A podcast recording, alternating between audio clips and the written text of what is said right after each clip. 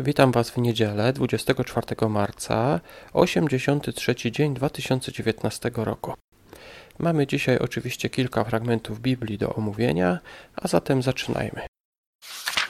Księga Wyjścia, rozdział 33. Mamy tutaj rozmowę Boga z Mojżeszem na temat tego, czy Bóg będzie szedł wraz z Izraelem, czy też nie. Może warto wskazać tu właśnie na postać Mojżesza. Miał on taki szczególny przywilej. Jego namiot był swego rodzaju świątynią. W tym momencie nie było jeszcze tego przenośnego przybytku, tej przenośnej świątyni. Nie było też oczywiście takiej murowanej świątyni i w pewnym sensie namiot Mojżesza spełniał taką funkcję. W Księdze Wyjścia 33:7 czytamy: Mojżesz zaś wziął namiot i rozbił go za obozem i nazwał go namiotem spotkania a ktokolwiek chciał się zwrócić do Pana, szedł do namiotu spotkania, który był poza obozem. Wiele osób, myślę, wpadłoby w pychę, gdyby mieli taką szczególną pozycję. Czy to się przydarzyło Mojżeszowi? I tak, i nie.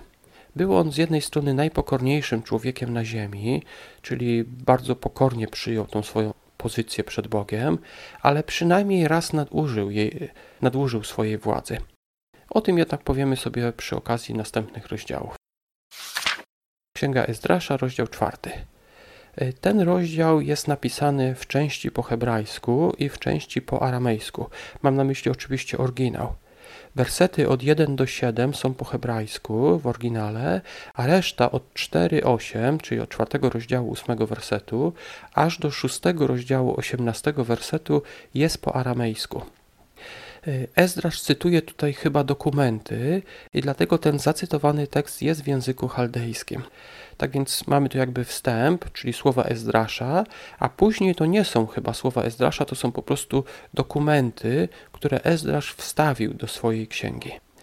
W księdze Ezdrasza 4:7, czyli jeszcze w tym fragmencie, który jest po hebrajsku, czytamy: A za czasów Artaxerxesa, Biszela, Mitreat, Tabel i pozostali towarzysze jego wystosowali pismo do Artaxerxesa, króla perskiego. Litery tego dokumentu były pisane, napisane po aramejsku i ułożony był on po aramejsku.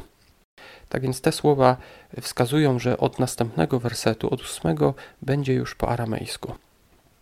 E, przeciwnicy napisali o odbudowie, że Żydzi odbudowują i dostali nakaz, zresztą takiego nakazu oni chcieli, aby wstrzymać budowę.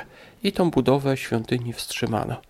I właśnie o tym też mówili prorok, prorocy Ageusz i Zachariasz. E, mówiliśmy właśnie o tym, że Izraelici przestali budować i zaczęli zajmować się swoimi własnymi domami i potem ci prorocy ich nakłaniali do tego, żeby wrócili do odbudowy świątyni. E, my też wrócimy do tego tematu oczywiście w następnych rozdziałach. Mateusza, rozdział drugi. Magowie ze wschodu przybywają, Józef z rodziną, czyli także z Jezusem, ucieka do Egiptu, a Herod każe pozabijać małych chłopców w Betlejem. Mateusza 2,16 czytamy. Wtedy Herod, widząc, że go mędrcy zawiedli, wpadł w straszny gniew. Posłał oprawców do Betlejem i całej okolicy i kazał pozabijać wszystkich chłopców w wieku od lat dwóch stosownie do czasu, który się dowiedział od mędrców. Świeckie źródła piszą o Herodzie, ale nie wspominają nic o tej rzezi dzieci w okolicach Betlejem, dlatego niektórzy ludzie poddają wątpliwość, czy to nastąpiło, czy też nie. Warto jednak wspomnieć, że źródła historyczne przedstawiają Heroda jako taką bardzo krwawą osobę, Myślę, że Heroda dałoby się porównać do Iwana Groźnego. Herod był e, tak złym człowiekiem, że zabijał nawet własne dzieci, nawet własnej rodziny nie oszczędzał. Był bardzo, bardzo okrutny. Tak więc wydaje się, że łatwo wyobrazić sobie, że byłby zdolny także do tego, żeby kazać wymordować dzieci z jakiejś miejscowości. E, był to władca pochodzenia edomskiego, to znaczy on nie był z jednej strony Żydem, ale Żydzi podbili Edomitów i w tym momencie Edomici należeli jakby do narodu żydowskiego. Tak więc on praktykował judaizm, on zbudował też świątynię, władzę otrzymał od Rzymian.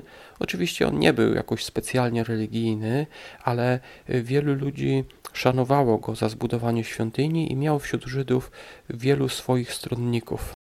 Zresztą później Ewangelia o tym mówi. W Biblii on tutaj umiera w tym rozdziale, ale pojawia się wielu jego synów, córek, wnuków, wnuczek itd. Tak Będziemy o nich wspominać w późniejszych przy omawianiu późniejszych rozdziałów, ale gdybyście wy chcieli się czegoś więcej dowiedzieć na temat rodziny Heroda, miała ona ogromny wpływ nie tylko na Izrael, ale także na Cesarstwo Rzymskie. To jest na przykład ciekawa rzecz, jak wielki wpływ rodzina Heroda miała na przykład na wybór e, Klaudiusza na cesarza rzymskiego. Gdybyście chcieli się tych rzeczy dowiedzieć, odsyłam was do książek Krawczuka e, na przykład takie tytuły jak Herod, król Judei, albo inna książka Tytus i Berenika. Psalm 71. Dawid prosi tutaj o ratunek i obiecuje opowiadać o Bogu następnemu pokoleniu, czyli młodym ludziom. Dawid pisał ten psalm chyba, gdy był już bardzo stary, bo w wersecie dziewiątym czytamy Nie odtrącaj mnie w czasie starości, gdy siły ustąpią, nie opuszczaj mnie. Prawdopodobnie chodzi tutaj ponownie o okres buntu jego syna Absaloma.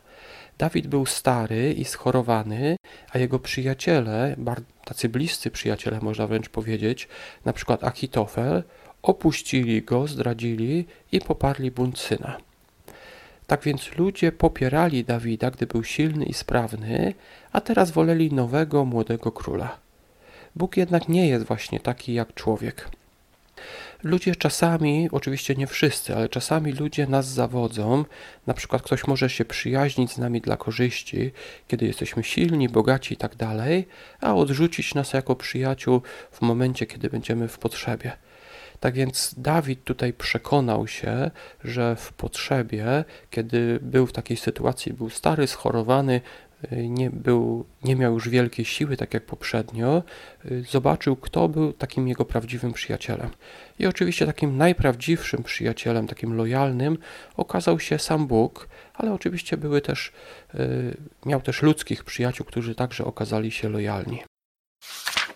Księga Przysłów, 9 rozdział, wersety od 7 do 9. Y, pouczać należy tych, którzy chętnie przyjmą nasze rady – ten fragment biblijny można zastosować wtedy, kiedy to my udzielamy komuś rad, ale także wtedy, kiedy ktoś udziela nam ich. Czyli ten fragment dotyczy udzielania rad, ale także ich przyjmowania. Księga Przysłów, 9 rozdział, 9 werset mówi tak. Ucz mądrego, a stanie się mędrszy. Oświeć mądrego, a zwiększy swą wiedzę. Wczoraj mówiliśmy o tym, żeby tacy głupi ludzie słuchali mądrości, a tutaj dowiadujemy się, że także mądrzy mają słuchać rad i zdobywać mądrość. Zauważmy więc, że nawet mądry może stać się jeszcze mędrszy. Apostoł Paweł napisał w Nowym Testamencie, że wiedza nadyma. Ktoś mądry mógłby na przykład popaść w pychę, ale przecież my nigdy nie będziemy wiedzieć wszystkiego. Tak więc, nawet kiedy już jesteśmy mądrzy, warto słuchać innych, szczególnie wtedy, kiedy nas pouczają, mówią nam może o jakimś naszym błędzie, czy może o jakimś naszym braku, jeżeli chodzi o wiedzę. Ja już dziękuję Wam za wysłuchanie. Zapraszam do kolejnego odcinka jutro. Do usłyszenia.